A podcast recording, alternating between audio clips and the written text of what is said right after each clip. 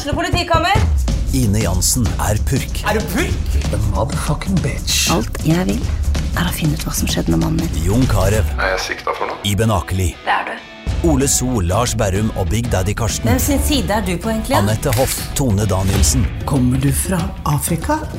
Jørnis Josef, Nesten. Kløfta. Trond Espen Seim, Det er synd å si det, men det var feil mann som døde. Purk. Premiere tirsdag på TV2 Play. Ungsamtalen fra DNB er økonomisk veiledning tilpasset deg som er ung. Bokk en ungsamtale på dnb.no. slash ung. Det er kjempebra hvis du skal inn på boligmarkedet, hvis det er drømmen din, liksom. Det er det du skulle sagt. Og så kunne du ropt litt mer, da, sånn som jeg gjorde. Bam! Åh,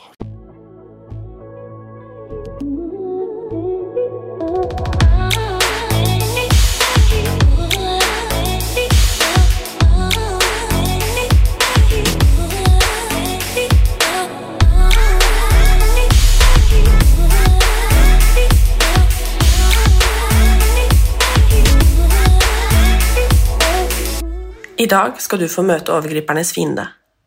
I Norge har nesten én av ti kvinner opplevd å bli voldtatt. Halvparten av dem var under 18 år første gang det skjedde. Hundrevis av voldtekter mot barn anmeldes årlig. Kun et fåtall av voldtektene blir anmeldt. Enda færre ender i dom. I Norge kan man voldta med minimal risiko for straff. Straffene er så korte at de av mange oppfattes som et hån mot ofrene. De fleste av oss velger å se en annen vei. Ikke Aron Jansen. Trygge nabolag, trygge barn, strengere straffer for overgrep. Under dette slagordet reiste Aron gjennom Norge og eksponerte straffedømte, pedofile og voldtektsmenn. Han ble snart ofrenes forkjemper, overgripernes mest fryktede nemesis. Lenge ble han heiet frem av folket, men da han begynte å avsløre en rekke politikere og politimenn som seksualforbrytere, fikk han fiender på høye steder. Snart ble han fengslet side om side med de samme menneskene som han hadde sverget å bekjempe. Historien om nabovarsel er unik. Sjelden har en mann vært så elsket og hatet på samme tid. Før han ble fengslet, hadde Aron hundretusener av nordmenn som fulgte aksjonen. Han ble skrevet om i aviser over hele landet, og selv justisministeren kranglet over om han skulle erklæres som en helt eller folkefiende. Nå er det din tur. Les boka. Synes du Aron fortjente sin straff? Jeg leste nettopp baksiden av boka til Aron Jansen, nabovarsleren, overgripernes nemesis. Aron er tidligere MMA-utøver, og nå har han viet livet sitt til å få gjennom et register med overgripere. For mange utsatte har Aron blitt ekstra viktig. Han vier nemlig all sin tid for å få til dette, og til ofrene. Til å møte i rettssaker, stille opp som støtte, hjelpe de å anmelde og sette de i kontakt med psykolog, og være en støttespiller. I dag er han her for å fortelle om historien, og om historiene de fleste av oss nesten ikke kan tro er sanne.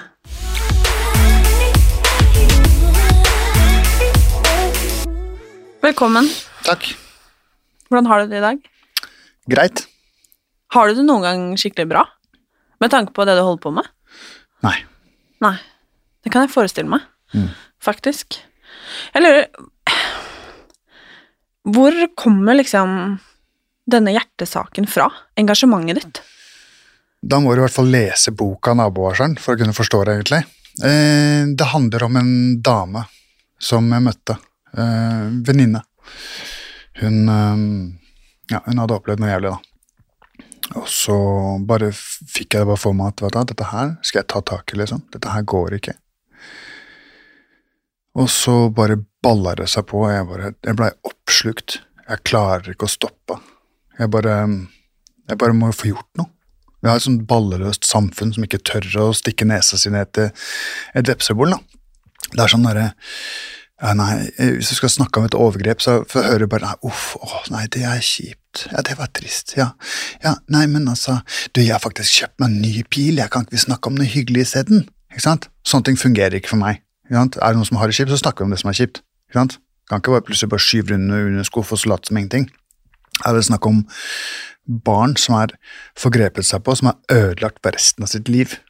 Seksualiteten er tatt fra dem før de i det hele tatt har fått eh, skjønt hva underbuksa si er. Og sånne ting kan vi ikke bare Ikke sant? Det går ikke. Så det starta med at jeg møtte en venninne i Oslo sentrum, og så bare Ja, så skjedde det.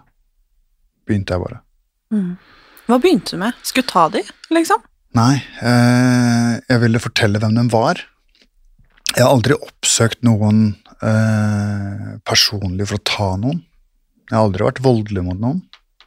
Jeg har bare gått inn i nabolag, tatt opp telefonen min, filma meg sjæl, sagt at i dette nabolaget her så bor det en overgriper. Han er dømt til eh, tre år for voldtekt av barn under, eh, under 14 år, ikke sant?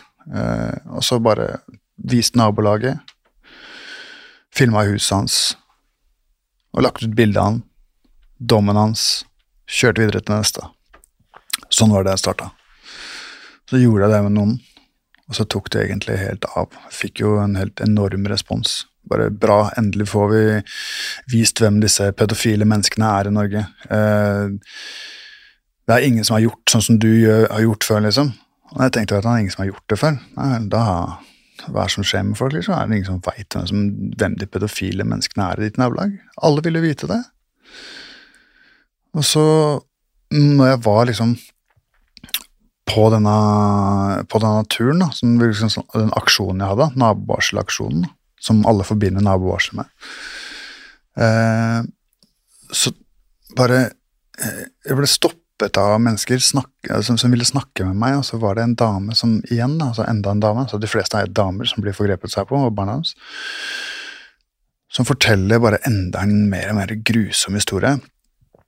Jeg tenker bare Det er ikke mulig, liksom. Fikk en år, liksom. Naboen din, liksom. Hun hadde flyttet til et nabolag. Hun ville bort fra mannen sin fordi han hadde vært voldelig, hadde hatt et kjipt forhold og flyttet med barna sine. ikke sant?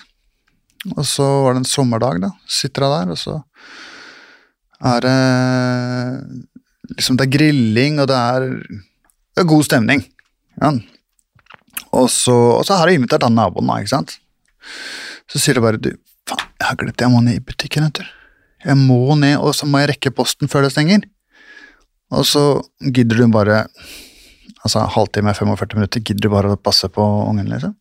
Ja, ja, ikke noe problem. Og hun kommer tilbake og bare går inn i kåken sin og 'hallo', liksom, ikke skjønt noen ting, og bare lukker opp badet. Og der står jo da en kar med, med pikken i munnen på dattera si. Ikke sant? Sånne ting som det. Og han er en tidligere dømt pedofil mann.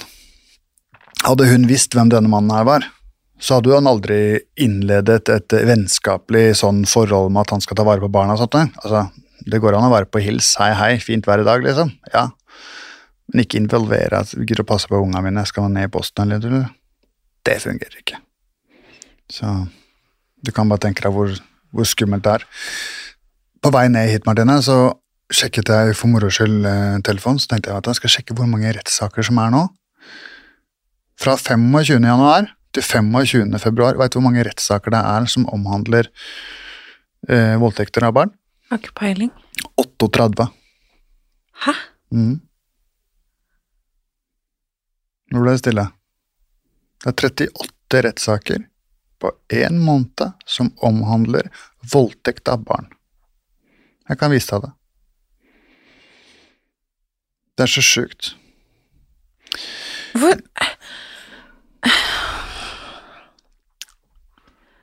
Hvorfor snakker vi ikke om det? Eh, jeg tror folk er redde for å snakke om dette her. Jeg tror folk, eh, eh, som sagt med sa i starten, de skyver dette her under eh, en, en, lav sko. Altså, De vil ikke snakke om det. Det er et tabu som er altfor betent. da. Ikke sant? Det er sånn derre uff, nei. og altså, hva skal jeg si? hvis du ikke tør å snakke om det, så støtter du det, tenker jeg, da. Ikke sant? Det er kanskje hardt å si, men hvis du ikke ønsker å, å, beskytte barna dine og støtte barna dine, så må du snakke med barna dine om dette her sånn. Du må snakke med vennene dine om det. Det må være et tema, for det er faktisk et samfunnsproblem. Straffene i Norge er altfor lave. Norge er et paradis for pedofile mennesker. Hvis du ødelegger et barn, så blir du dømt til ett års fengsel. Hvis du eh, svindler til deg eh, 250 000, så risikerer du å sitte inne to til tre år. Ikke sant? Eh, du har eh, Si det er noen som har eh, kjørt i fylla og krasja bilen sin og virkelig driti seg ut og, og ja, ødelagt for seg sjæl, da. De får jo en ok straff, men de har, må faktisk, de har ikke ødelagt noe for noen andre. De har kjørt i fylla og risikert livet til noen andre, ja, det har de. Men han kjørte kanskje bare i murveggen hjemme fordi han var så drita full. ikke sant? Han får kanskje ett, år, ett års fengsel. Men å ødelegge altså Voldta nabojenta, liksom. Så er det sånn altså, gi nå han seks måneder til et år, da. Ikke sant? Klapp på skulderen, pst, rett ut. Jeg har så mange dommer som jeg leser, som gjør at det koker i huet mitt hele tida. Jeg leser dommer nesten hver eneste dag, og så ser jeg på barna mine. Mm. Jeg vet vi skal begynne fra hvor dette starta. Mm. For dette har jo vært en, um, en ride, om man sier det sånn. Om det har. Um, du begynte med dette her eh, for at det, er jo innsides, åpenbart. Eh, og du begynte å dra rundt på aksjon. Ja. Starta nabovarselet. Yes. Og eh, det blei en stor greie. Jeg husker det dukka opp på Facebook, og jeg tror egentlig de fleste fikk det med seg. Ja, det starta vel på Snap. Ja, på Snap. Mm. Og så begynte det å komme liksom Altså, jeg har liksom sett uh, alt fra innsamlingsaksjoner til liksom disse videoene, og eh, det har blitt en greie. Mm. Um, hvor fant du liksom Engasjementet er jo én ting, det var jo der åpenbart, men hvor Mm. fant du liksom overskuddet til å dra rundt og ha disse aksjonene i første omgang? Uh, altså, som en i, idrettsutøver, da, uh, som en proff MMA-fighter, så tenker du bare Hvis du går inn i, i, i ringen, eller du skal trene opp til match, så går du all in. Alle idrettsutøvere gjør det, koste hva det koste vil, ikke sant? Men dette her var enda verre. Altså, eller ikke enda verre, men det var enda råere. Du blir sugd inn, du klarer ikke å stoppe. Du, og så tenker du jeg kjemper for barna, liksom. Livet til noen. Det er ikke mitt eget. Jeg kjemper for livet til noen andre. Og det blir noe helt annet.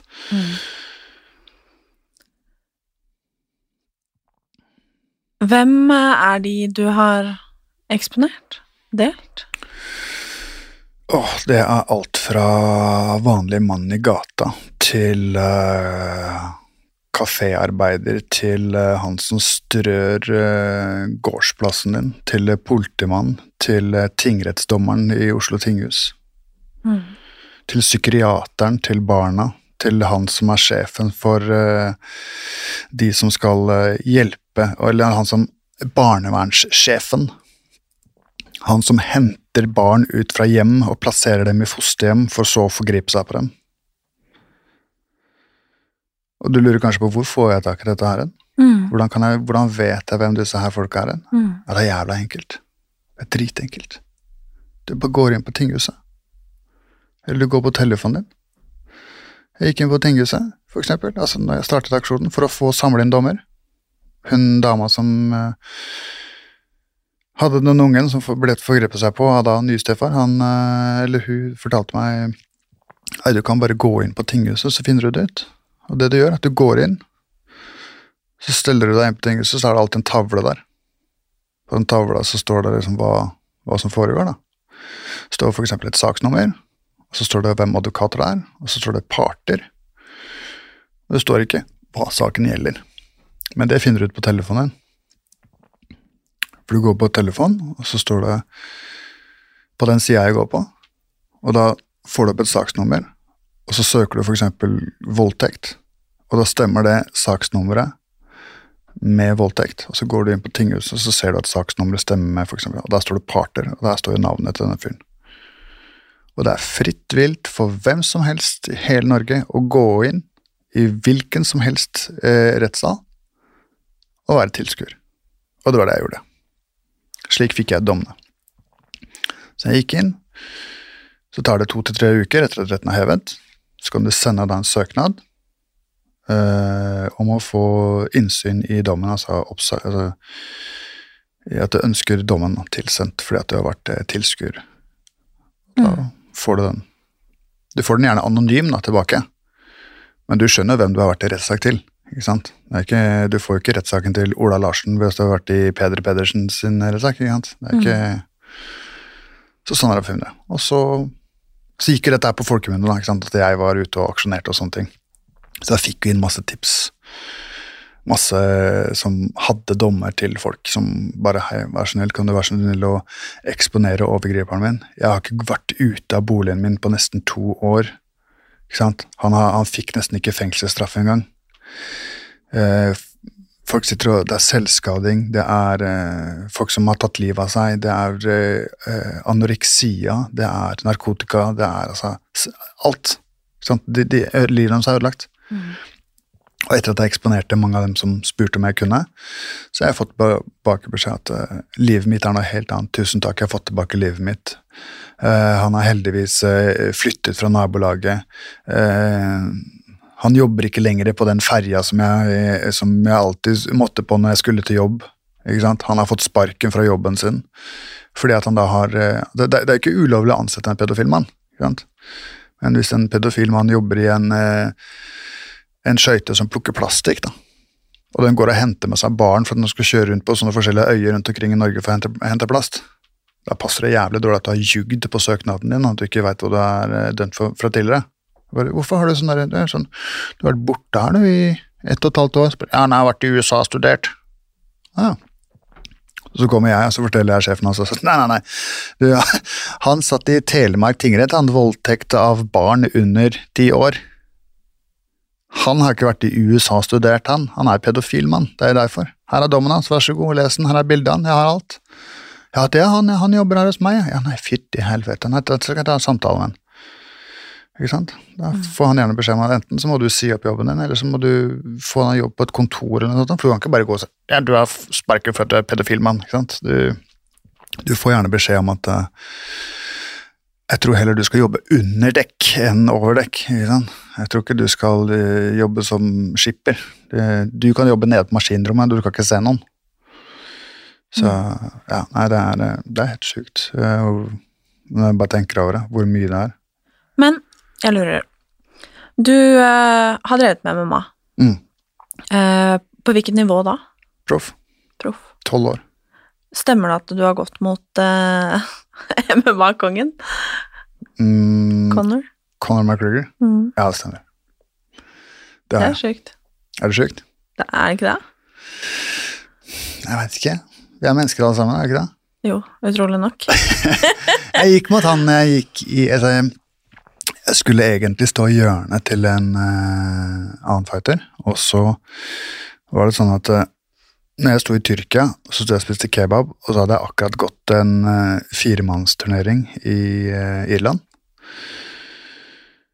Og så hadde jeg begynt å legge på meg litt vekt igjen, da, så jeg skulle gå i 70 kilo. da. Um, eller det var vel 69,8 var det jeg veide inn på. da. Uh, Jeg gikk ned 10,2 kilo. Jeg hadde lagt på meg over 10 kilo på over fire uker. Uh, Litt over tre uker. Ja, tre-fire. Og så står jeg i Tyrkia, og så får jeg en telefon som spør Aaron, it's, it's, uh, it's available fights in, uh, in Jordan if you want to take it. Så jeg bare yeah, Fuck it! Let's do it! Ingen av oss visste altså Jeg visste ikke hvem han var, han visste sannsynligvis ikke hvem jeg var. Og det bare endte med at eh, når jeg kom ned, så skal jeg bare veie meg. da, så bare, så, Hvem, vektklasse var det jeg skulle gå i? Sier jeg til manageren jeg bare It's lightweight! Så jeg bare Fuck, tenkte jeg. Helvete, jeg må ned ti kilo, liksom. Ja, ok, greit. Og her, den matchen tok jeg på 24 timers varsel. Så at det, fra jeg sa ja til matchen, til jeg kom ned der sånn, så måtte jeg veie 70, eh, altså 70 kilo, da.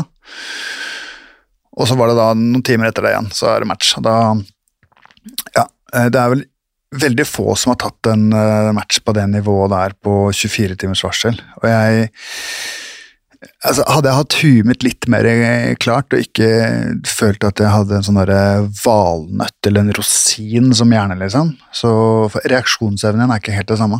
Er, du, du, henger liksom 0,1 sekund bak da, hele veien. Så det var faktisk en svenske som hadde brukket armen, som ikke kunne gå den matchen. Og da fikk jeg den, og det var jo en stor mulighet. Men eh, sånn, han ble, uh, Colin McGregor han blei uh, milliardær, og jeg blei gjeldsoffer. Ja, for det var det jeg lurte litt på. Hvordan du på en måte Du nevnte jo litt, at eh, for deg så har eh, liksom eh, denne driven eh, bare flytta seg fra det ene til det andre. Mm. Men det jeg egentlig tenker på, er at eh, du har åpenbart eh, brukt mye tid på å være toppidrettsutøver, Mm. eh, og du bruker åpenbart all din tid Mm. på dette her. Mm. Å være liksom nabovarsleren. Mm. Um, du har rett og slett via livet ditt til Mm. dette her. Faktisk. Hvordan er det egentlig mulig? Ja, åssen er det mulig? Nei, eh, det er bare blitt sånn. Det er bare blitt livet mitt, er å eh, putte folk i et register, da. Altså, jeg har et eget register, som du kan gå inn på. Heter nabovarselnorge.no. Og der får du et register over de dømte pedofile menneskene i Norge. Alle som jeg klarer å registrere, alle som jeg får tak i, alle som jeg får dommene til. De plasserer jeg der sånn. Altså, eh, med det sagt så er det er ikke et register så du kan se ansiktet til noen. Du får se et bilde, og det er sladdet. Dommen er sladdet, men du får lese alt, du får se alt. Du får hvilken by og alt sammen, det får du. Eh, men hvis jeg driver og åpenlyst eksponerer noe nå, så står eh, politiet og banker på podkasten din her nå og lurer på om jeg er der. Ja, Da ble jeg etterlyst igjen, og det er jeg ikke interessert i. Derfor så har jeg valgt å lage dette registeret, sladde det og holde meg innafor eh, normene, altså innenfor norsk lov, sånn som media også gjør. Men media snakker jo ikke så mye om overgrep som det jeg gjør. ikke sant? Er, de, snakker, de viser heller Det her irriterer meg faktisk. Eh, norske media, de, hvis det er en kar som har stjålet en, eh, en bugg, da, en tyggis Altså hvis en kjendis stjal en bugg, liksom, eller eh, en eller annen svindla henne, et eller annet tull, sniker på trikken, et eller annet, så blir han vist bilde av i media. Du får se hvem han er, hvem denne tullingen er som har strike, på trikken. ikke sant? Siv Sivertsen har stryket på trikken, hun er eh, 79 år gammel. Eh, her har vi skurken, ikke sant? Men hvis en pedofil mann har forgrepet seg på uh, altså for, Dømt for syvende gang, da, som f.eks. den dommen som jeg fikk i går. En mann som er dømt i Trøndelag for syvende gang. En serieovergriper. Det er ingen som vet hvem han er. Han er ikke engang et bilde av engang. Han får ikke lov til å se engang. Jeg har bildet han. Jeg vet hvem han er. Jeg vet hvor han bor. Og jeg vet akkurat hvor han skal sitte inne. Skjønt? sant? Du har via så mye tid til dette her. Hele livet. Så å si Hele nå. Jeg har satsa Jeg har gått all in. Jeg har lagt MMA-karrieren så å si på hylla. Jeg ønsker å ta én match til, bare sånn for å få ut all aggresjon. All Altså alt, liksom. Men ja, det er ikke, det er ikke lett å bare si ja, du skal gå og ta en match nå med en gang. Banke opp en eller annen fyr. Jeg må jo trene også. ikke sant? Nå, nå har jeg egentlig bare sittet på ræva et år. Jeg har, eh, jeg har to barn. Jeg har to, jeg har to barn i bleier, liksom. Jeg skifter mer bleier enn det jeg eh, rekker å se på TV. Og imellom her så ser jeg på telefonen, jeg får inn altså, Jeg sjonglerer hele veien. Så jeg kan egentlig si at jeg har lagt karrieren på hylla, men jeg ønsker å ta en match til. For det var det jeg skulle spørre om. Hvordan eh, det lar seg gjøre å være så eh, opptatt av noe. Mm. Det er jo egentlig sykelig opptatt, ikke sant? Altså, alt handler jo liksom om dette her. Mm. Eh, og så skulle det være pappa. Mm. Eh, Sjonglere liksom et familieliv. Mm. Eh, all denne jævelskapen som du blir mata med hver eneste dag. Mm. Hvordan er det å liksom gå fra liksom Stå i den verste, mørkeste dritten man egentlig kan forestille seg, da, til å plutselig da bare bare skulle være pappa. Bare være Aron. Nå er det sånn at jeg har en ekstremt bra dame, da.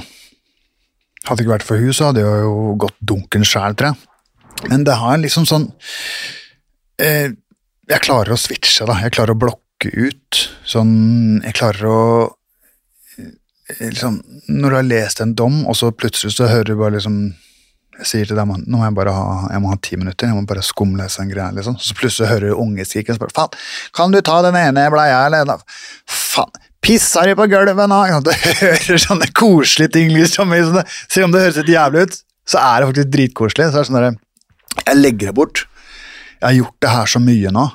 At for meg så er det bare det er rein rutine. Altså, eh, ja, det er akkurat som eh, i idretten. Du kan gå inn og så kan du bare gå inn og få deg noen på trynet på treninga. Sparka i hodet, slått, eh, kvært ut så du er helt ute og sykler, og så våkner du opp igjen, og så kommer du hjem med blåveis, og så, og så skal du dra på jobb, liksom. Det, det er sånn det er. Jeg, jeg, jeg klarer jeg, det, det har gått så langt da, at eh, som du sier, den sykelige opptattheten som er sånn, Jeg er ikke syk i huet, det er ikke det, er ikke det jeg er. Nei, det er ikke det jeg mener, er- det. jeg er bare ekstremt gira på at vi skal ha et register i Norge mot disse her. Så Mhm. hvis ikke jeg gjør det, hvem andre ville ha gjort det? Eller hvem andre gjør det? Ingen. Er ingen som tør å stikke nesa si opp der. Så det er bare å legge det til sida, gjøre en annen ting. Når du er ferdig med det, gå tilbake til det. Når dagen er over, altså når dagen er over for meg, så er det ikke sånn at da klokka er fire, da er arbeidsdagen over. Den fortsetter helt til klokka ti på kvelden. Liksom. Det er helt til eksempel dama sier at du, nå tror jeg du legger bort den telefonen, for nå skal du kile meg på ryggen, eksempel. Jeg har vondt i nakken. Jeg er sliten. Så bare ja, ja, ikke noe problem. Da legger jeg bort. Men så fort hun er eksempel på toalettet, eller eh, 'Å, faen, jeg har glemt å sjekke posten i dag', så da det er rett om på telefonen og spør 'Ok, jeg har fått noen meldinger der'. Bam. Skjønner du? Det er, det er blitt Slapper du noen ganger av da? Klarer du å koble av i huet, liksom? Uh, Skal vi se Nei.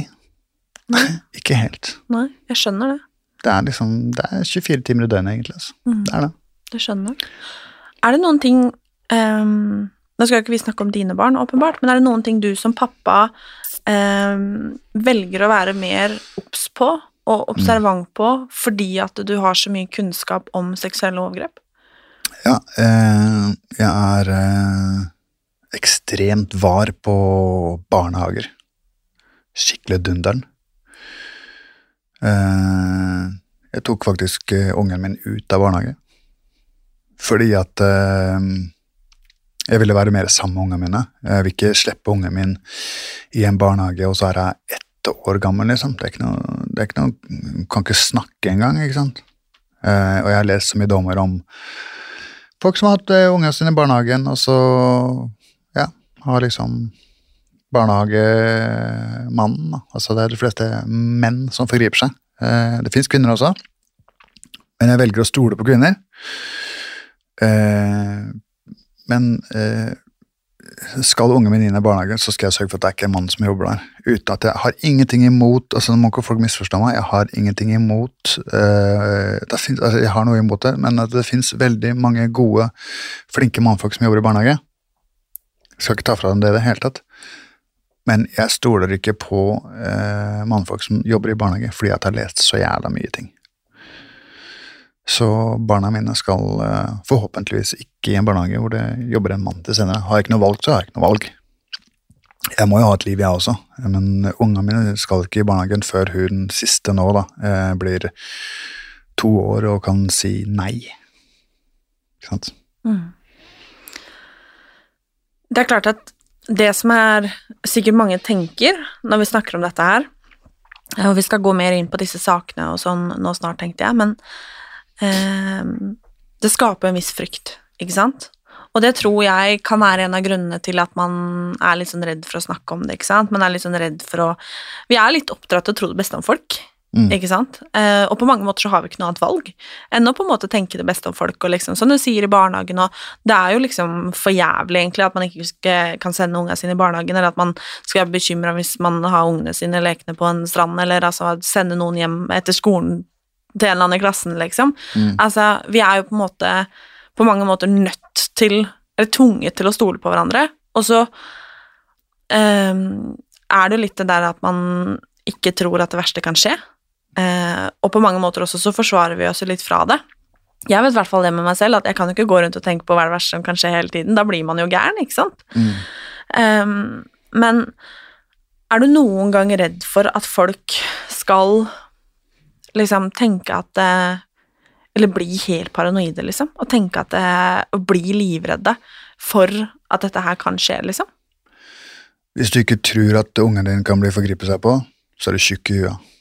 Da er du så dum, da. Da burde du faktisk gå i deg sjæl ordentlig og tenke deg om. Det er så mange barn som blir forgripet seg på. Eh, Jeg har lest så mange forskjellige tall, så uansett hvilke tall jeg sier, så er det en ekspert som sier at det er feil hele tiden.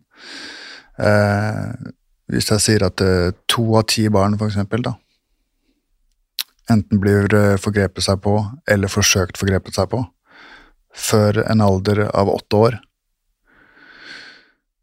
så er det et reelt tall i Norge.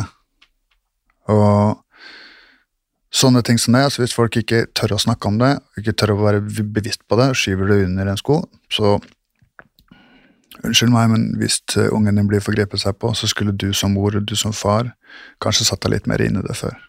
Du kan nesten takke deg sjøl for at ungen din ble forgrepet seg på, hvis du ikke tør å se på dette her på en helt annen vinkel. Du kan ikke bare si at 'nei, det her skjer ikke ungen min'. Nei, uff, nei, nei, er du gæren? Larsen, han er jo den gode gutten, han da. Ikke noe problem med det. Han har kjent den i mange år, ja. Ikke sant? Derfor skal jeg ha et register. Man vet ikke hvem Ola Nordmann er. Du har ikke peiling.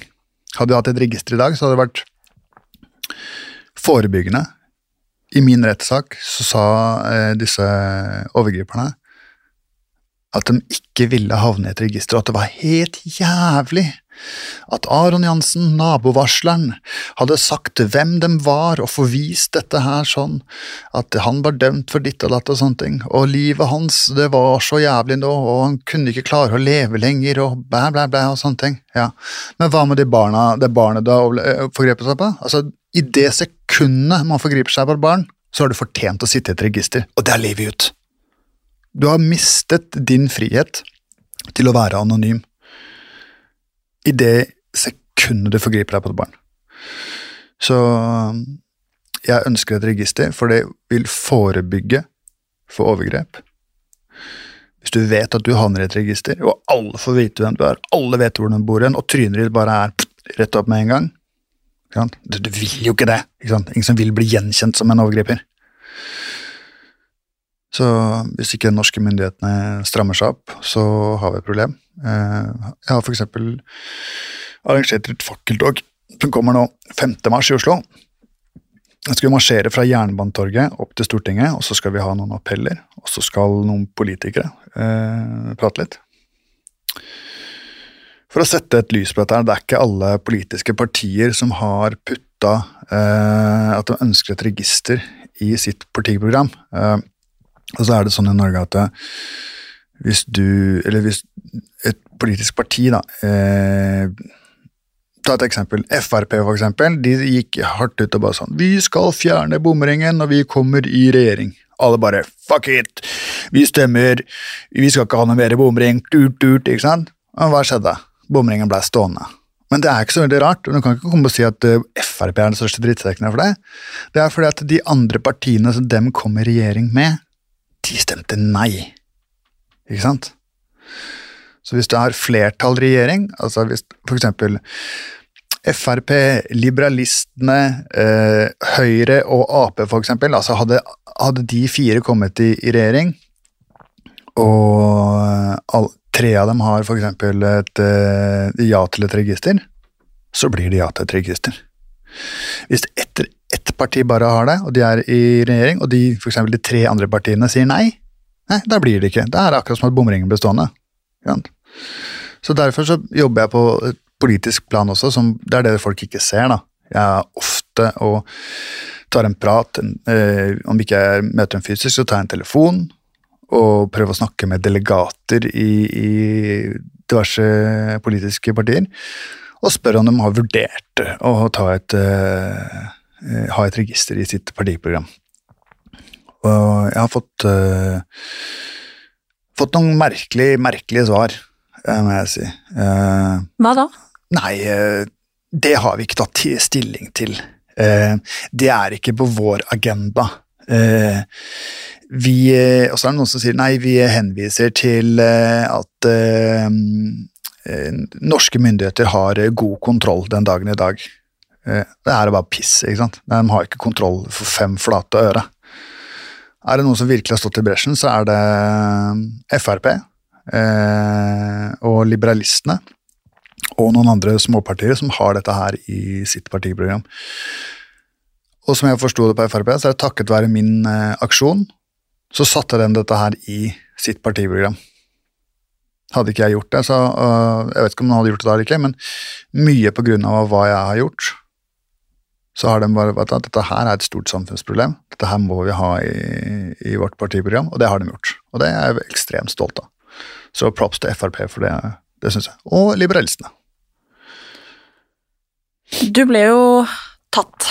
Å ja. For du fikk jo ikke holde på um, fritt vilt, sånn som du gjorde. Eh, Nei. du fikk ikke dra rundt og aksjonere, og du eh, Du ble vel faktisk dømt?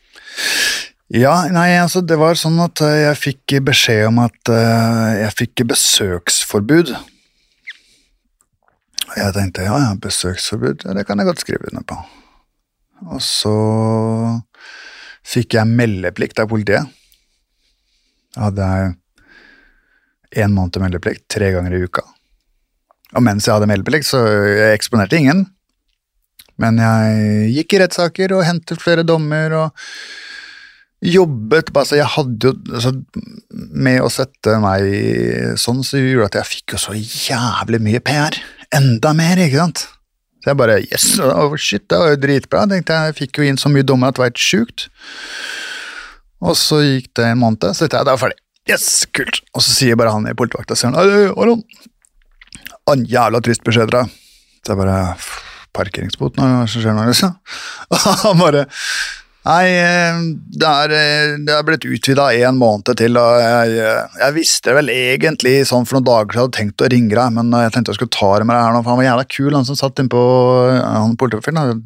Masse morsomme samtaler med han igjennom. Så sier jeg ja, det er ikke noe problem. Jeg tar en måned til. Men jeg, jeg dukker ikke opp her tre ganger i uka, det kan du bare glemme det. Jeg har et liv, jeg også. Eh, ved sida av å trene på å slå folk i huet, så sliper jeg også gulv, ikke sant. Jeg driver Drøbak parkettslipperi.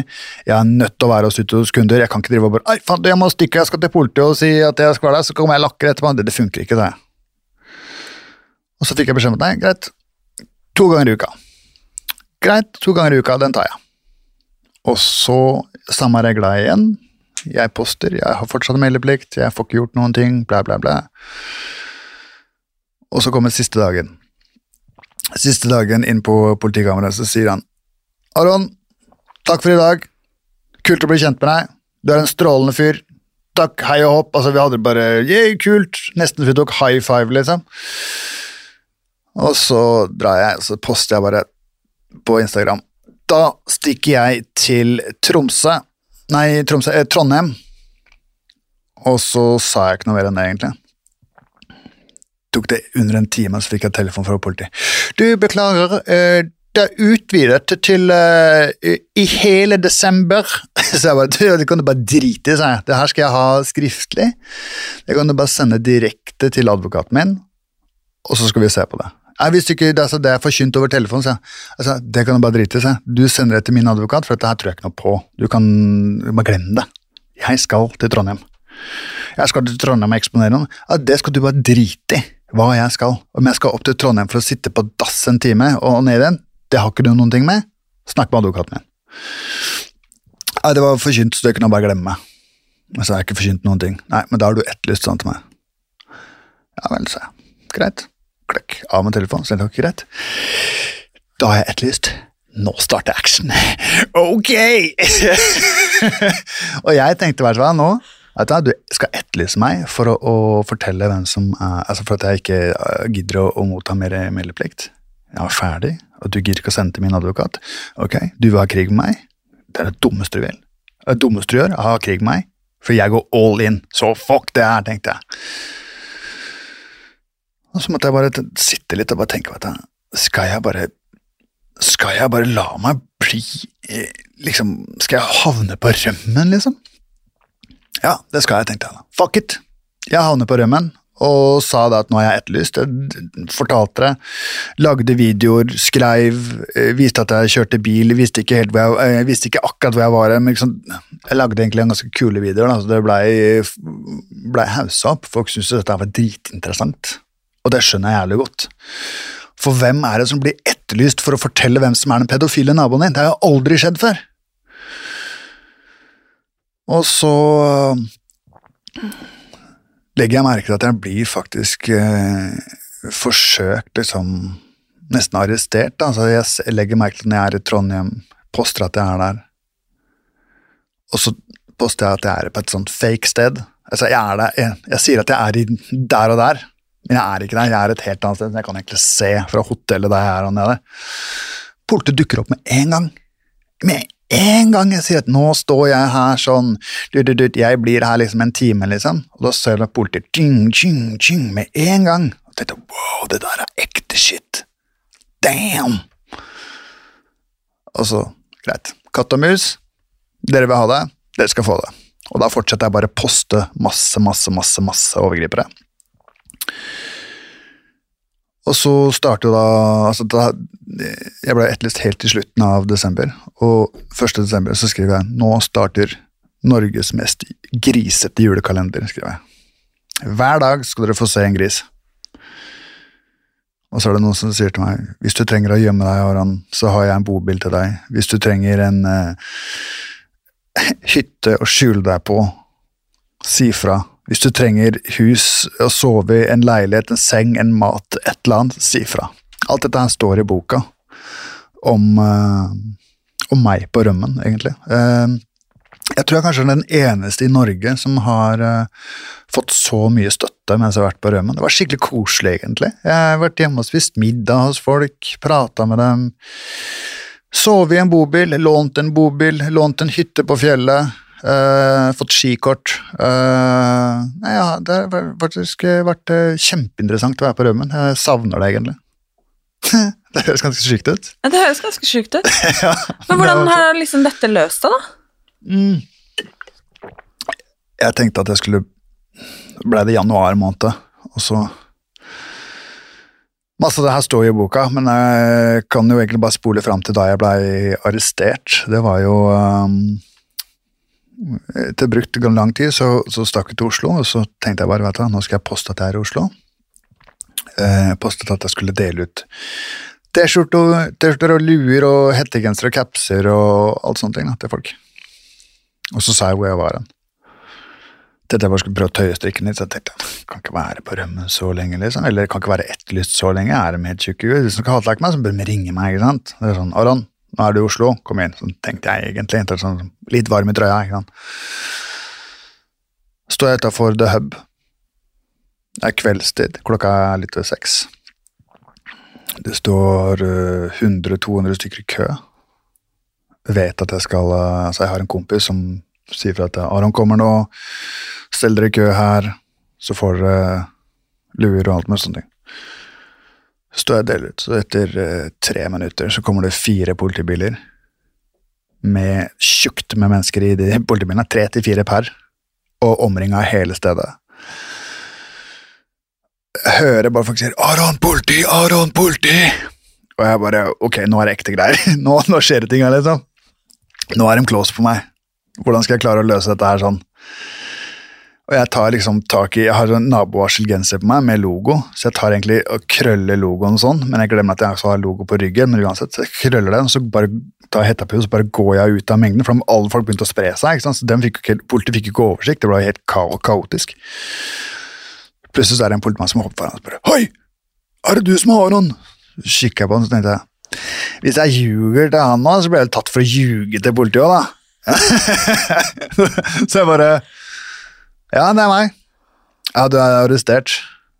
Ja, så kikker jeg rundt meg spør Ja, det er jeg. Dere, kom mannsterke, så jeg spør. Ja, men vi, visste ikke hva vi skulle møte, vet du, Aron.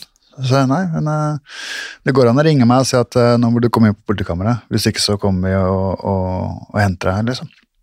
Jeg har aldri vært mot politi. Jeg er ikke mot politi i det hele tatt. Jeg har uh, alltid støtta politiet i, i de gode tingene de gjør. Eh, jeg fins ikke voldelig, eh, men allikevel så følte jeg at eh, jeg ble urettferdig behandla. Skikkelig urettferdig behandla.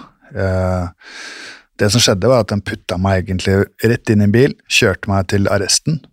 Jeg har blitt arrestert flere ganger før. Eh, og så i forbindelse med nabovarsel, da, men da, bare for å skrive under et eh, besøksforbud eller sånne ting. Da, så er det sånn at jeg fått beskjed om å komme opp på politikammeret for jeg skal skrive under med noe, og så blir jeg liggende på cella i én til to dager, og så slipper de meg ut igjen.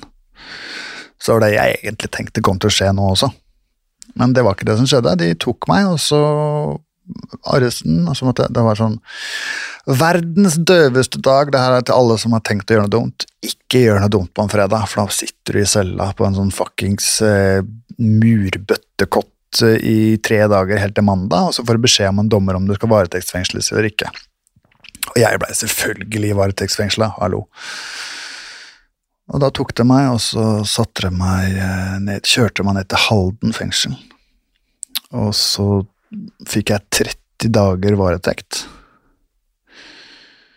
Og etter eh, 21 dager eller noe sånt, nå, så fikk jeg beskjed igjen at eh, varetekten er forlenga 30 dager til, 30 dager til, 30 dager til.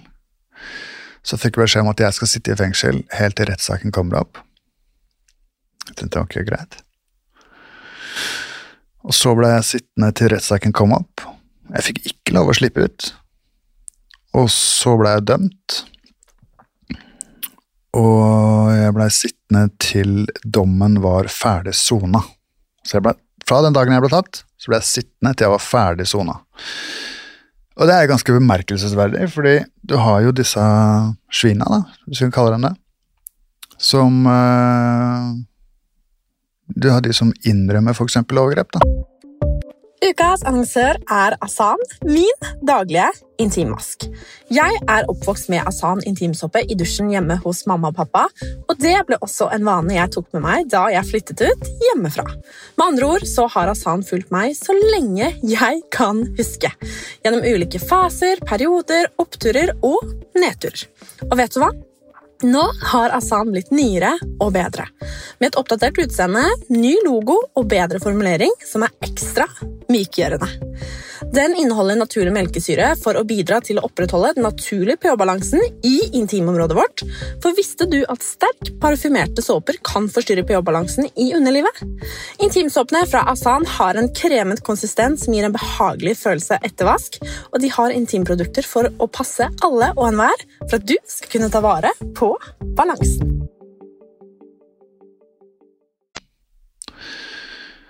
De blir sittende i kanskje én til to, kanskje tre dager.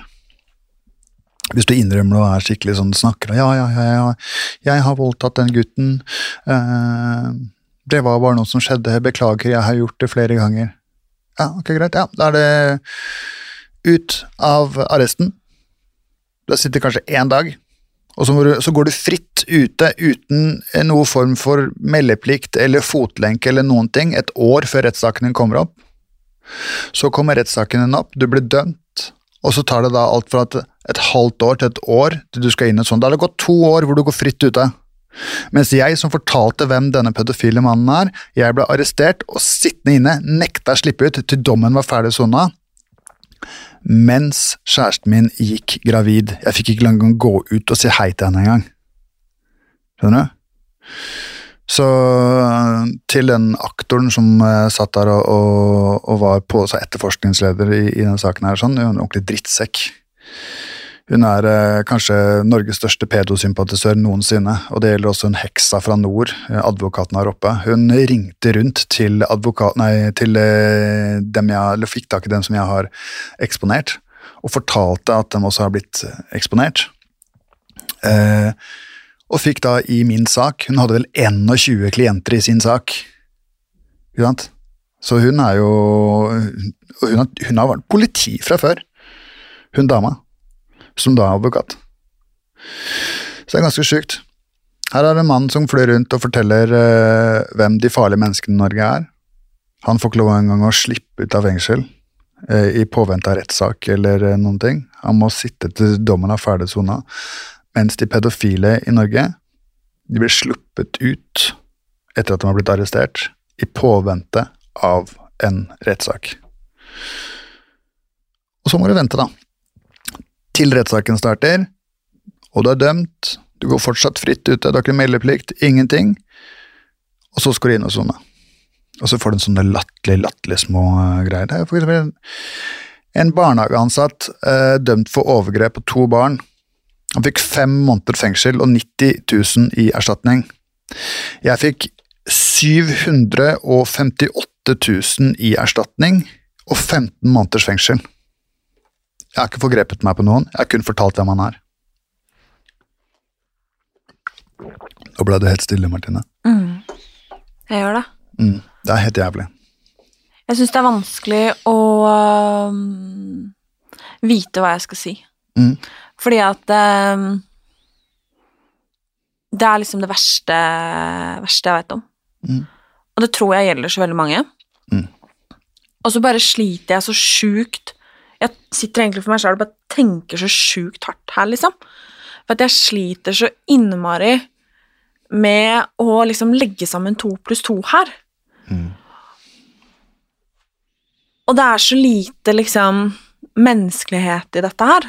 Det er kanskje det jeg syns er verst.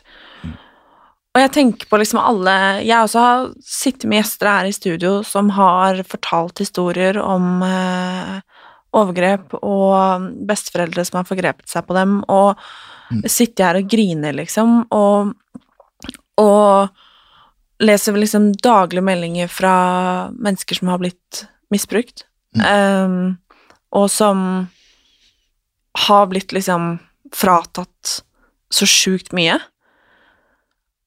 Og så sliter jeg altså Jeg sliter liksom med å se fornuften her, da. Og det er vel det som er er med et system, liksom. At det er ikke noe Det er ikke noe fornuft, kanskje. Altså, jeg vet ikke. Mm. Fordi at jeg liksom Er det så gærent å si at man har lyst til å vite hvem naboen sin er, liksom? Tydeligvis så er det ulovlig å vite hvem naboen sin er. Det er det som er så sjukt.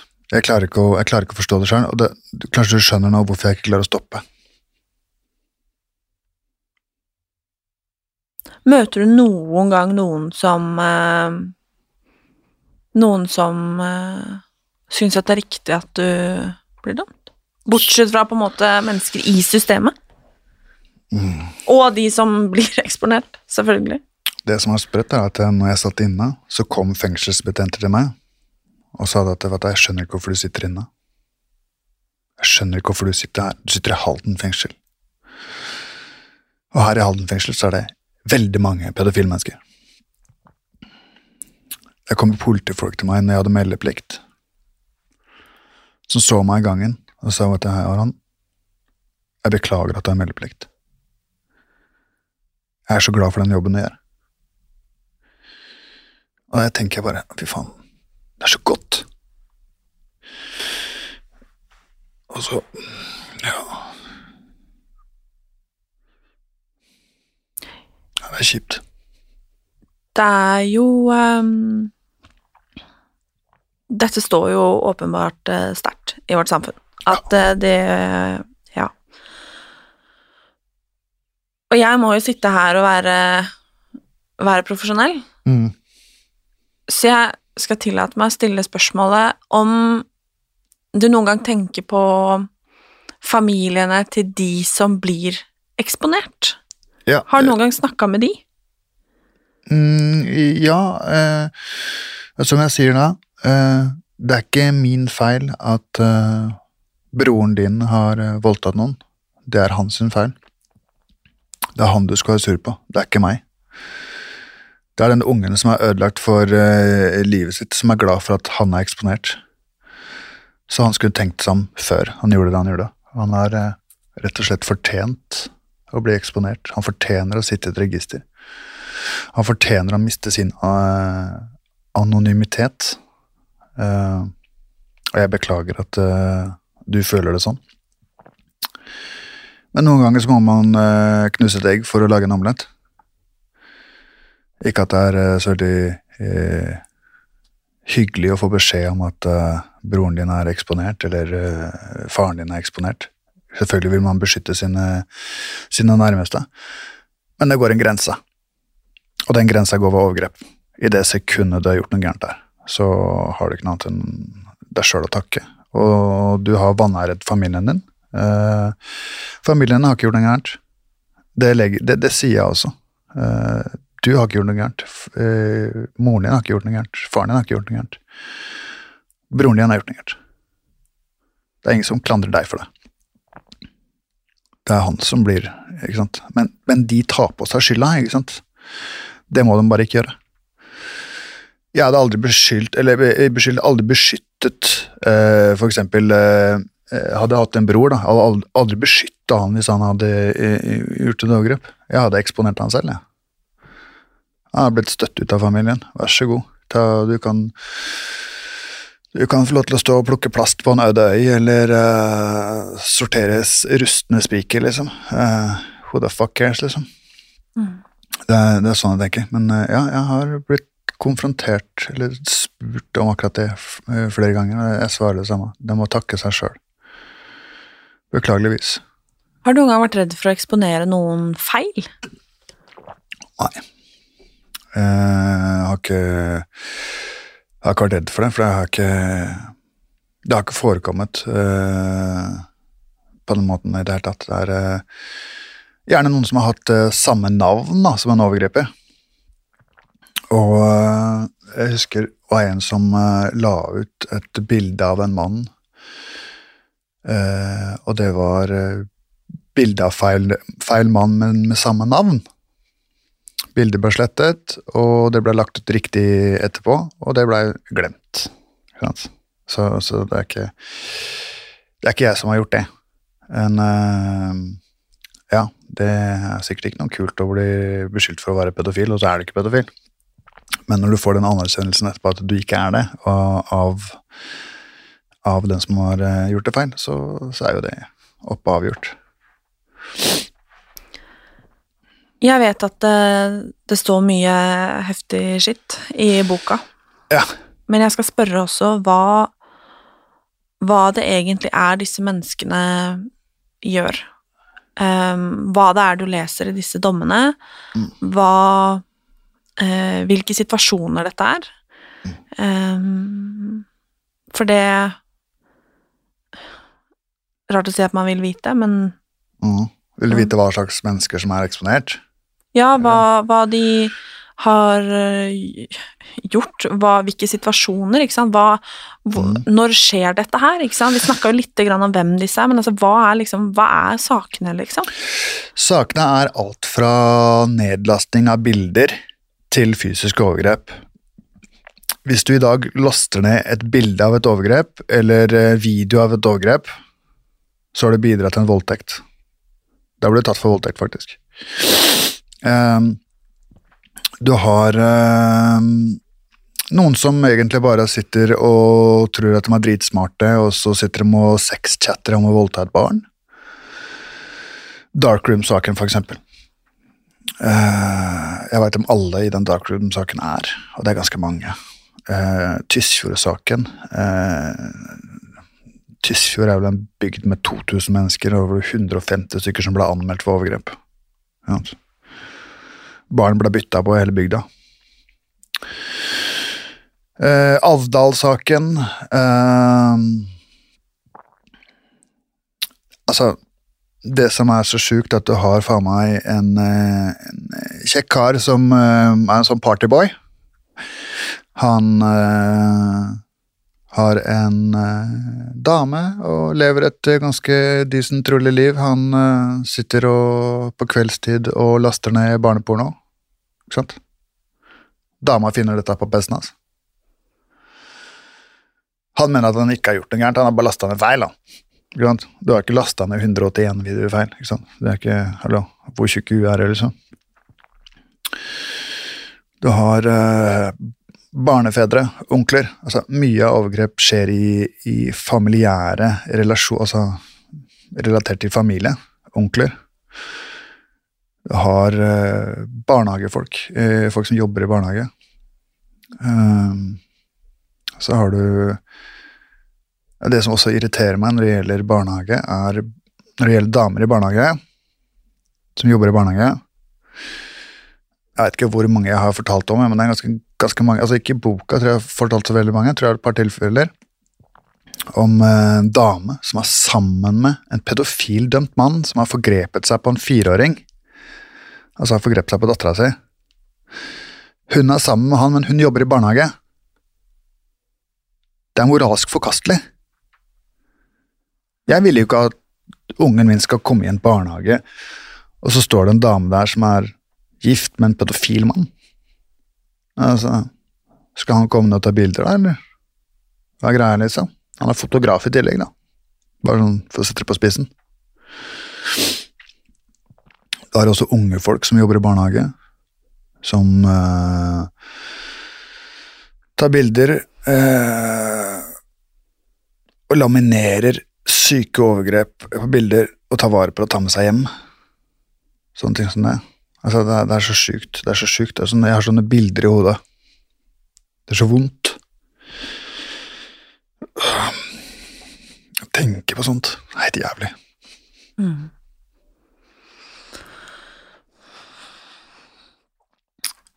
Hva er det viktig at vi lærer barna våre? Oh, godt spørsmål. Viktig at vi lærer barna direkte at eh, kroppen din er din. Ingen skal tulle med kroppen din. Mm. Og så si til barna at eh, tissen din er tissen din. Ingen skal tulle med tissen din. Ingen skal stikke noe opp i rumpa di eller tissen din. Det er ikke lov. Da må du si det til noen som du liker å stole på, noen som ikke er slemme mot deg. Da må du si det. Det er veldig, veldig viktig. Lærer barna dine de første steppa der sånn, så vet ikke de hva det er. Og hvis noen, altså en barnehage mm, lærer tante, mann, et eller annet, forgriper seg på deg, så er det greit å kunne vite at det er ikke lov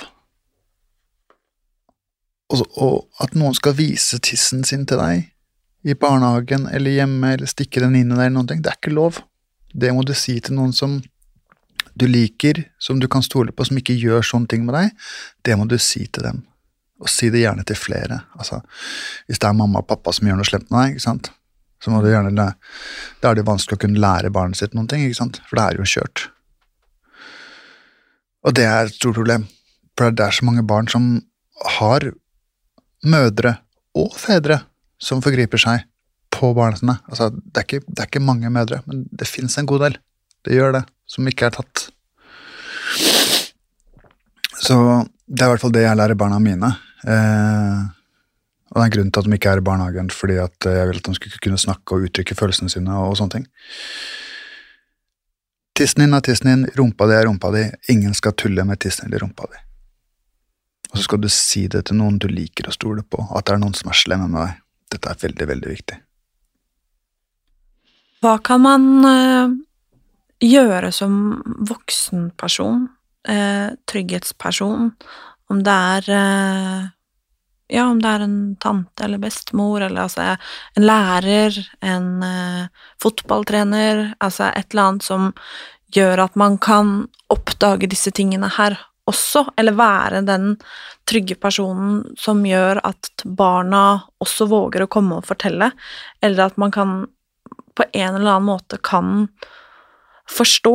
Fordi jeg er så redd for at det går så mange Hvordan du kan se det, på en måte? Ja, eller hvordan, hvordan man kan oppdager. fange det opp, rett og slett. Fordi mm. at det er så mange barn og unge der ute som går rundt, som opplever sinnssyke ting som de bærer på helt alene. Eh, ja.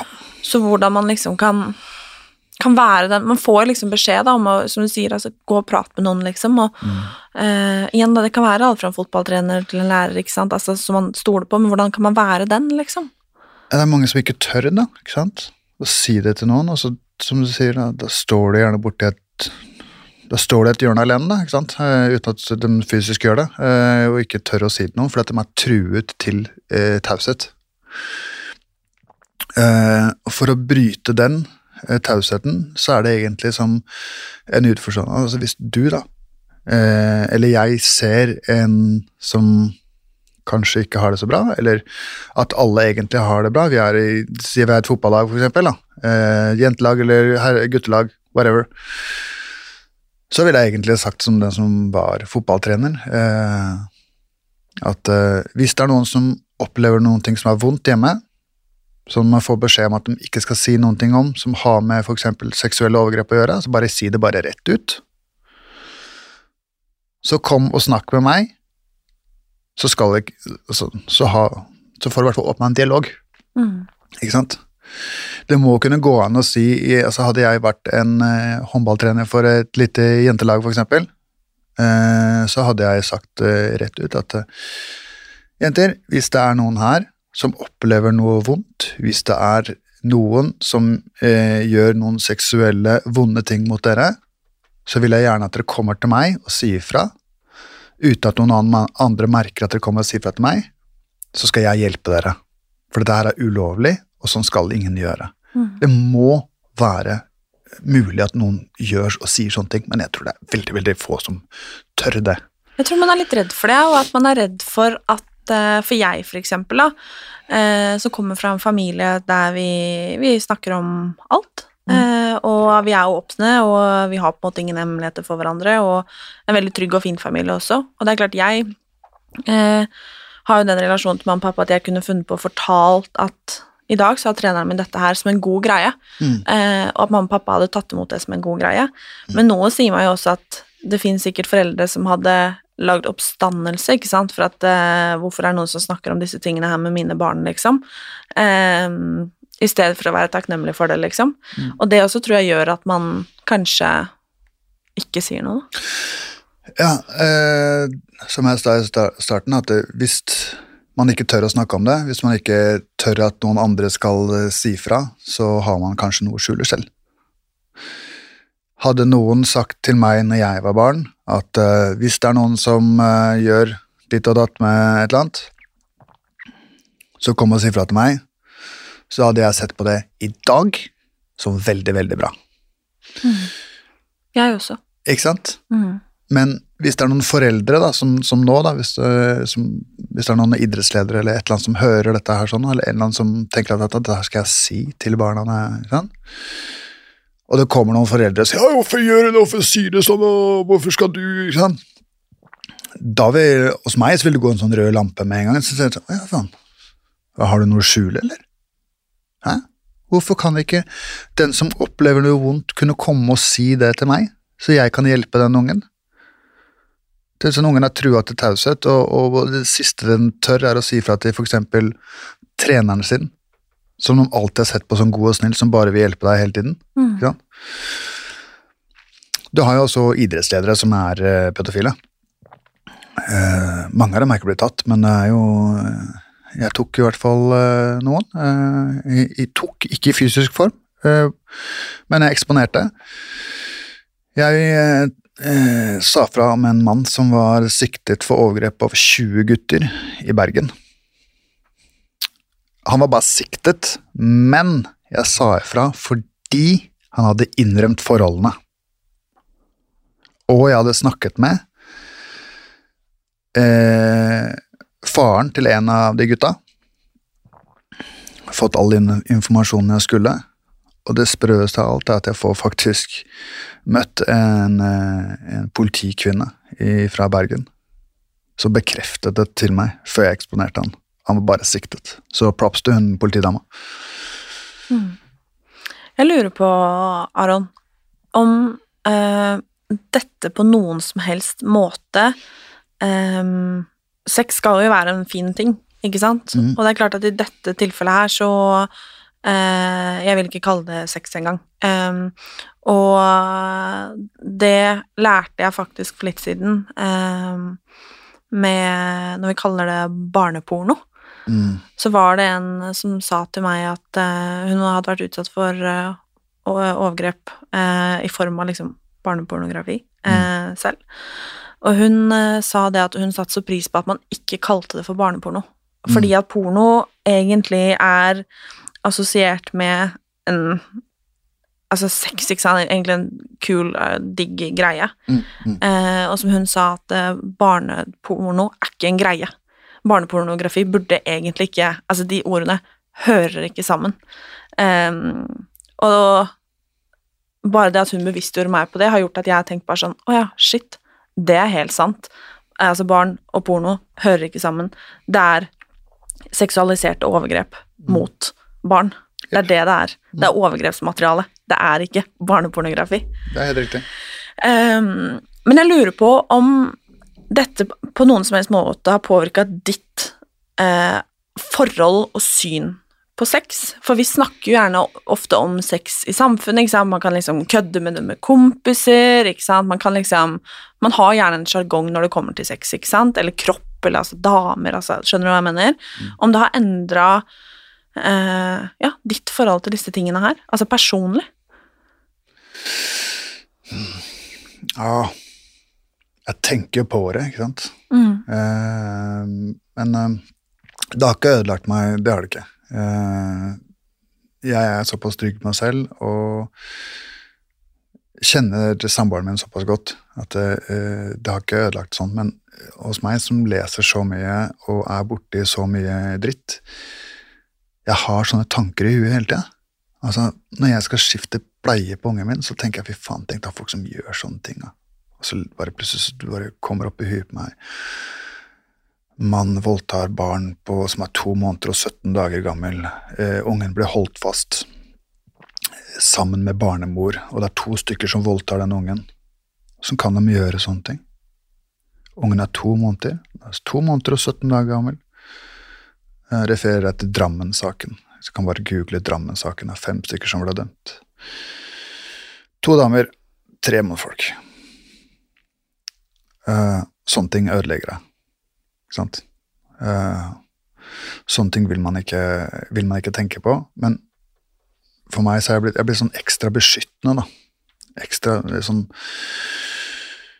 Jeg klarer ikke å forstå at noen gjør sånne ting. Det er ingen som klarer å forstå sånne ting. Og sånn skal det heller ikke være. Men seksualiteten min er ikke blitt ødelagt av den grunn. Eh, jeg, jeg har eh, fortsatt et, eh, et fint, intimt forhold med, med samboer. Eh, Men eh, ja, det, det er en tanke der alltid. Det er det. Men jeg er ikke ødelagt av den, den grunn. Det er jeg ikke. Eh, Men det er andre mennesker som, som da, disse barna er ødelagt for livet. da. De har jo aldri muligheten til å, å tenke klart etterpå. Ikke sant? Du er eh, lite barn og blitt forgrepet seg på av en Du er tolv år, og du blir voldtatt uh, uten at du vet hva du gjør for noe gærent. Uh, du skal få en is hvis du spiser isen til onkel, ikke sant. Og så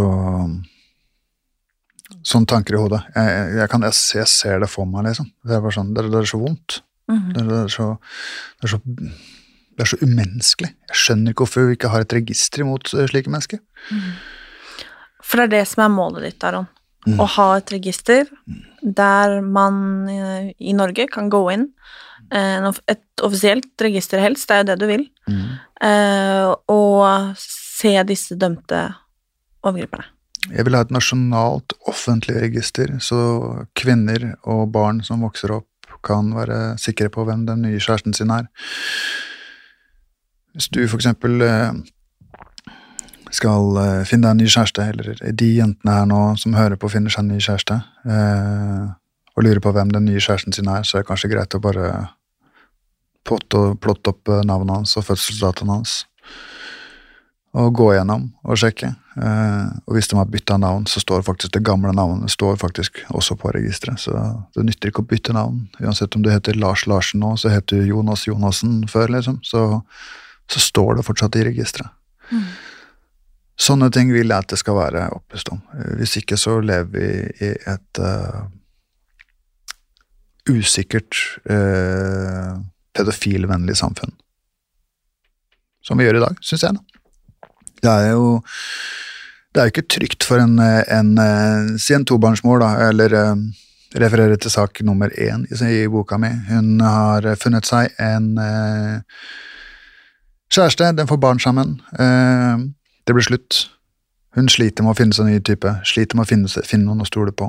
Uh, finner en som virker kjempeålreit, kjempesnill, full pakke. Og han forgriper seg på ungen, ungen. Men han er ikke dømt fra før. For det vet man jo ikke. Er du ikke dømt fra før, så er du ikke dømt fra før. Men hun som da skal bli sammen med den mannen som har forgrepet seg på et barn fra før, hun vil jo selvfølgelig vite om han er tidligere dømt eller ikke. Alle vil jo det. Ikke sant? Du er jo keen på å vite om uh, han snekkeren du har hjemme, om han virkelig er en utdanna snekker, eller om han egentlig bare er en rørlegger og noe helt annet. ikke sant? Jeg har lyst til å vite det. Uh, noe så sjukt som at hvis du blir tatt for å kjøre i fylla, da, ikke sant? Uh, du mister førerkortet ditt, og du krasjer, og du blir putta i fengsel. Tror du du har førerkort i hånda når du slipper ut? Nei, det har du ikke. Og da burde du heller ikke ha pass når du slipper ut som en pedofil mann heller. Du burde i hvert fall uh, ha meldeplikt en god stund. Uh, i register. Hvis du blir tatt for uh, tjuvfiske, setter de på spissen, hva skjer da? Fiskeutstyret blir inndratt. Og så skjønner du hva jeg mener. Mm. det er ganske spesielt. Hvorfor tror du det er så problematisk for oss?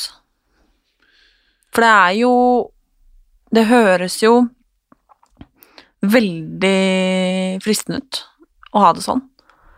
Men Å, så, ha et register? ja, så, men så kommer jo alle disse lovene og reglene våre i veien for at det egentlig lar seg gjøre. Altså med personvern og at det er litt sånn eh, argumentet om at eh, nei, har du sona, så har du sona, liksom. Da er du ferdig, ikke sant? Hva tenker du om det? Jeg tenker at det er eh, det største tullet jeg noensinne har hørt. Det er, du, har ikke, du er ikke ferdig sona når du, når du slipper ut eh, Du har altså Du er fortsatt kriminell når du slipper ut. Ikke sant? Du er ikke, du er ikke ferdig med det. Altså, du har, eh, har du forgrepet deg på et barn, så er du en, en pedofil mann. Og det er du til du dør. Han vil sannsynligvis aldri slutte å tenke på overgrep, eh, og terskelen hans for å forgripe seg igjen er ganske stor, for tilbakefallsprosenten for å komme inn igjen som en pedofil mann, den er på 37,2% det vil si én av fire havner i buret igjen for samme greiene. Det her er tall fra eh, 2009 eh, til 2015 så var i hvert fall tilbakefallsprosenten på det. Hvis jeg, ikke, hvis jeg tar feil av noe, noe årstall, så skyt meg, men eh, ja. Mm. Den er ganske høy, den tilbakefallsprosenten. Så jeg føler ikke at vi er eh, Vi er ikke rustet i Norge. Altså hvis du, hvis du har et eh, et problem med å være en pedofil mann, så, så, så har du et problem resten av livet ditt når du har forgrepet deg eh, på noen. Og det er noen som klarer å holde seg og ikke gjøre noen ting. Eh, Noen mener jo at det, dette kan og burde behandles. ja, eh, men det er ikke tvungen behandling i Norge, og det fins ikke noe opplegg i Norge for behandling, bortsett fra i Bergen fengsel, avdeling M, hvis jeg ikke tar helt feil. Der er det, der har det vært behandling av folk. Eh, Det er eh, hva kaller for noe? ressursmangel, altså penger inn til fengselet for at folk skal kunne behandles på en måte. Da. Eh, Jeg tror ikke du blir 100 eh, frisk uansett. Har du først blitt skalla, så får du ikke tilbake håret fordi at du sitter og, ønsker at det skal komme tilbake. Ja. Eh, jeg er skalla, jeg får ikke tilbake håret, og det må jeg leve med. Ja. Eh, er du en dømt pedofil mann, så må du leve med at du er en dømt pedofil mann. Men du kan i hvert fall ta noen eh, behandlinger, slik at du kan prøve å gjøre det litt bedre. Det kan man. Være litt bevisst på at det, det du har gjort, har du ødelagt noen for resten av livet ditt. Det, du nytter ikke å få juling for det du har gjort. Det er sånn der, ah, fikk bank, ja, men det er over da. Ja, ja, da har jeg fått meg en blå vest, da, så den er jo borte om et par uker. For jeg tror veldig mange tenker sånn um, at og hadde noen gjort noe med dattera mi, eller hadde noen gjort noe med søstera mi eller dama mi, eller noe sånt, så skulle jeg faen meg tatt han, liksom. De fleste sier jo det. Ja. Det, de fleste har lyst til å egentlig ta, ta livet av den som har uh, gjort noe gærent, men løsningen er jo ikke der. Da blir du sjøl borte fra samfunnet etterpå. Um, det er noen som har tatt livet av overgriperen sin. Jeg kan forstå det. Jeg kan det. Jeg, jeg har ingen, ingen problem med å forstå det. Eh, Jeg vil jo ikke tenke på at hvis det er noen som gjør uh, unga mine noen ting, hva jeg eventuelt ville ha gjort da i en mørk kjeller, eksempel. Jeg vil jo ikke tenke på det. Eh, jeg syns ekstremt synd på de som opplever at barna sine blir forgrepet seg på, og jeg forstår dem ekstremt godt at de har lyst til å gjøre noen ting sykt bestialsk tilbake. Men igjen, hadde vi hatt et register i Norge, så hadde ikke den mannen forgrepet seg på barna dine. Mest sannsynlig ikke. Fordi at å havne i et register, og alle vet at du er en pedofil mann, det er jo ikke noe kult. Ikke sant? Ingen vil det. Ikke sant? Du har ikke noe liv da. Hvor skal du søke jobben da? Hvor skal du, ikke sant? Det er sånn derre Da havner du på Nav, da. Ikke sant? Eh, da får du liksom livet ditt påklistra, du er ferdig borte. Altså, Sånn, jeg bodde i Brasil i, eh, i, to måneder, og der er det ikke noe sånn der eh, Det er ikke noe liv eh, hvis du er altså, I Norge, hvis du har et handikap i Norge Du får støtte, du får hjelp, livet ditt er godt. Ikke Men for eksempel i Brasil, hvis du sitter helt forkrøpla og, og du klarer nesten ikke å prate, og du sikler og sånne ting og sitter i rullestol Han må sitte og selge lightere som har nesten gått ut, som det nesten ikke er gass på engang, for å overleve. Igjen. Mm. Ingen vil ha et sånt liv. Så igjen, et register vil forebygge. I Norge har vi det altfor godt. I fengsel så blir disse forgriperne eh, sydd puter under armene på. Det er også skrevet om i boka Nabovarselet. Ja, for det lurte jeg på, for jeg har jo liksom hørt at eh, Eh, det å være dømt for voldtekt og overgrep i feng norske fengsler liksom er da Det vil du ikke, liksom. Det har man hørt. Ja. Uh, man vil jo ikke bli sett på som en overgriper i fengsel. Det vil man ikke. Men uh, de har det veldig godt. Uh, de får de beste jobbene i fengsel. De for eksempel På sommeren så satt jeg inne i, på en celle. Jeg fikk ikke lov å jobbe. Uh, jeg fikk en jobb noen ganger, eh, men når jeg ble transportert inn bak murene, Martine, så bestemte jeg meg for at eh, greit, vet du hva, fuck it. Når jeg er først er inne, så skal jeg groome disse svina. Jeg skal komme meg så tett innpå dem som overhodet mulig. Jeg skal fortelle alle hvem de er. Kjenner jeg noen, så skal jeg eksponere dem med en gang. Jeg skal snu det fengselet her opp ned, jeg skal lage et helvete. Men de første ukene så klarte jeg ikke det. For med en gang jeg kom inn, så bare fikk jeg sånne vremmelser inni kroppen min. Tenkte, fy faen, der sitter rulletorpedoen. Der sitter eh, nordlandspedoen. Ja, ok, der sitter han, ja. Pizzabakersvinet. Ikke sant? Så når jeg lukka opp døra mi, så sier de ja, det er lufting, Aron. Luft Luft har vi her inne, men uh, lufting i, i bakgården, liksom, med de folka her. Så peker jeg bare Han lufter jeg ikke med. Han lufter jeg ikke med. Og han lufter jeg ikke med.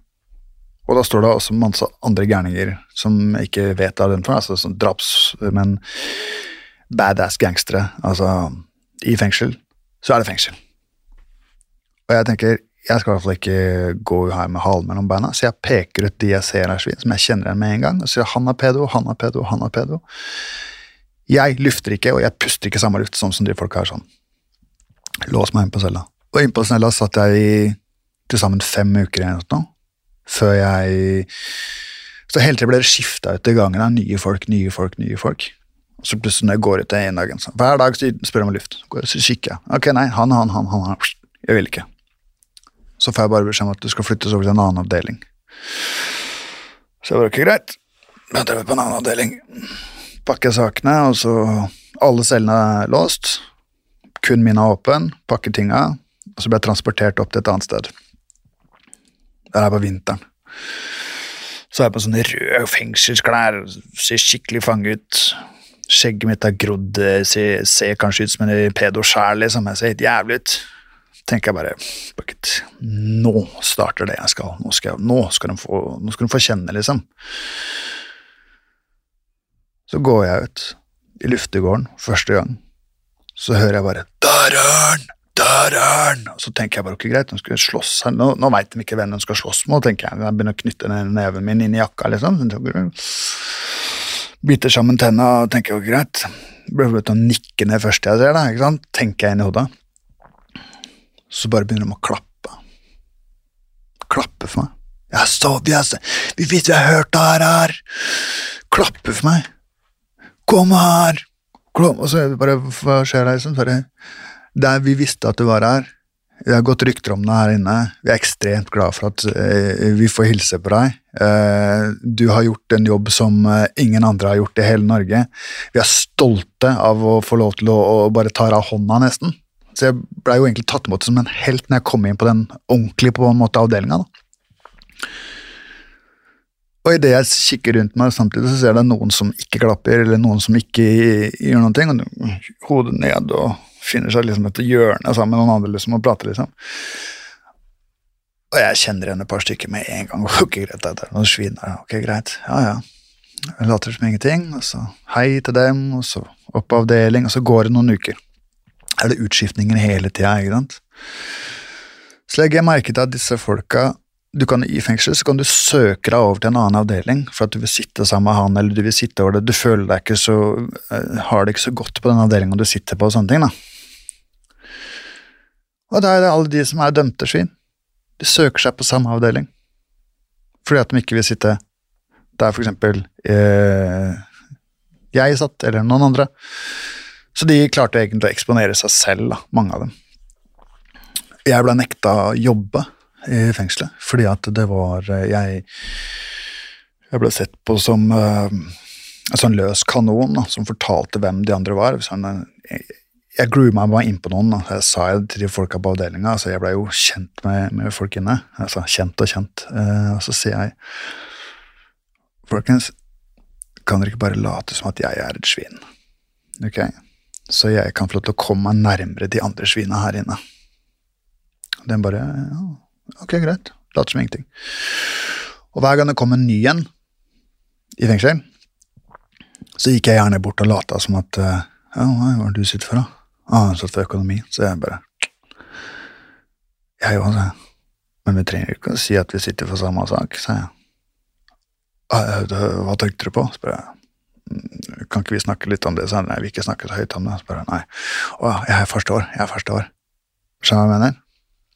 Sånn var det jeg klarte å finne ut hvem som var svin inne i fengselet.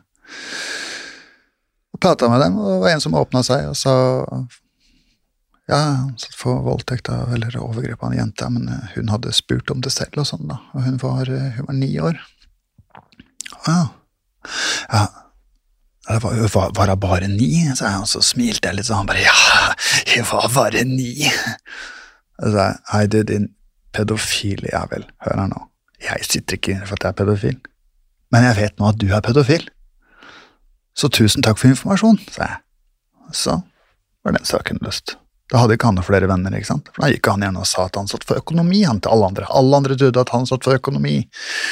Og det er sånn de holder på inne. De sitter enten for økonomi, Eh, eller så klarer de å ljuge på seg at de sitter for noe, eh, noe narko, eller noe sånt, og det er gjerne voldtektsmenn altså, som skal være litt sånn kule og tøffe og gangstere og sånne ting.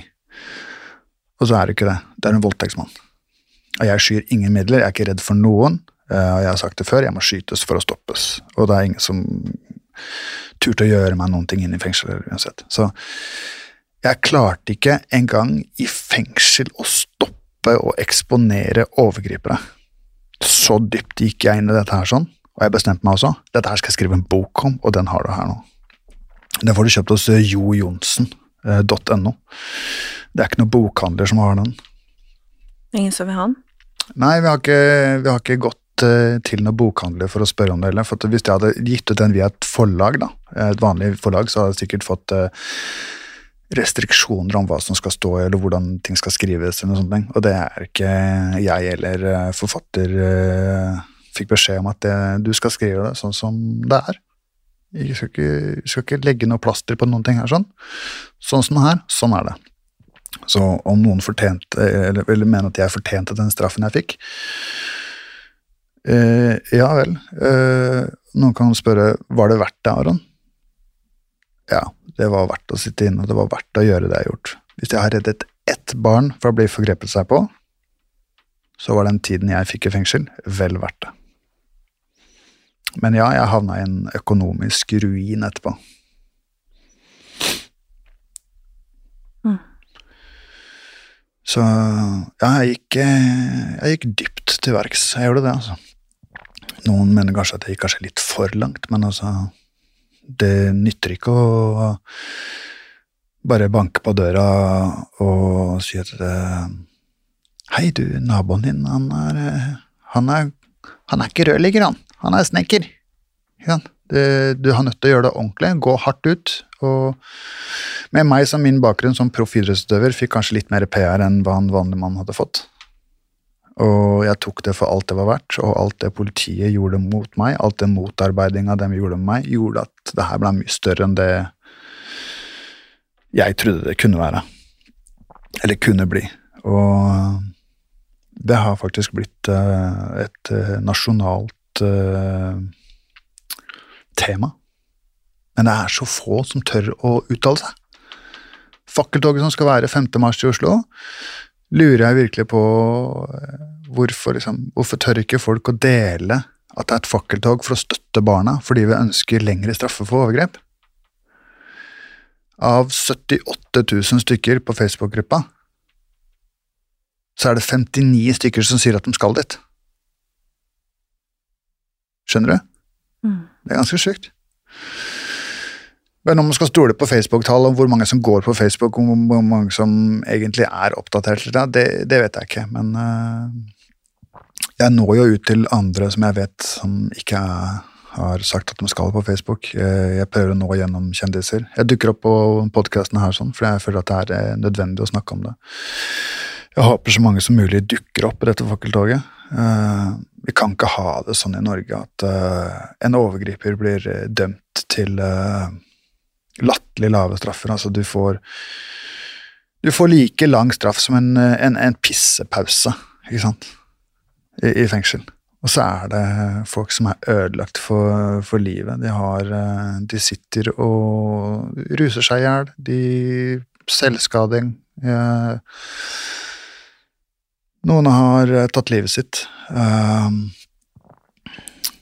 En mann ble nylig dømt til å betale 18 millioner kroner til, til barna sine, som han har forgrepet seg på.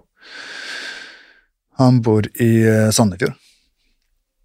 men det var bare to jenter som, som har overlevd. Den ene tok livet av seg. så hadde, det, hadde noen strukket ut en hånd til den jenta for lenge siden. Så hadde det blitt oppdaget før, og hun hadde levd i dag. Det er vondt. Det er vondt. Mm. Tusen takk for at du ville komme, Aron. Takk for at du fikk komme. Det er tøft.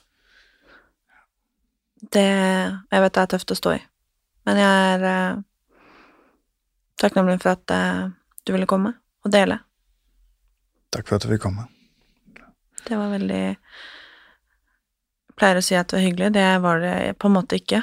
Um, viktig, kan vi si at det var. Tusen takk. Takk.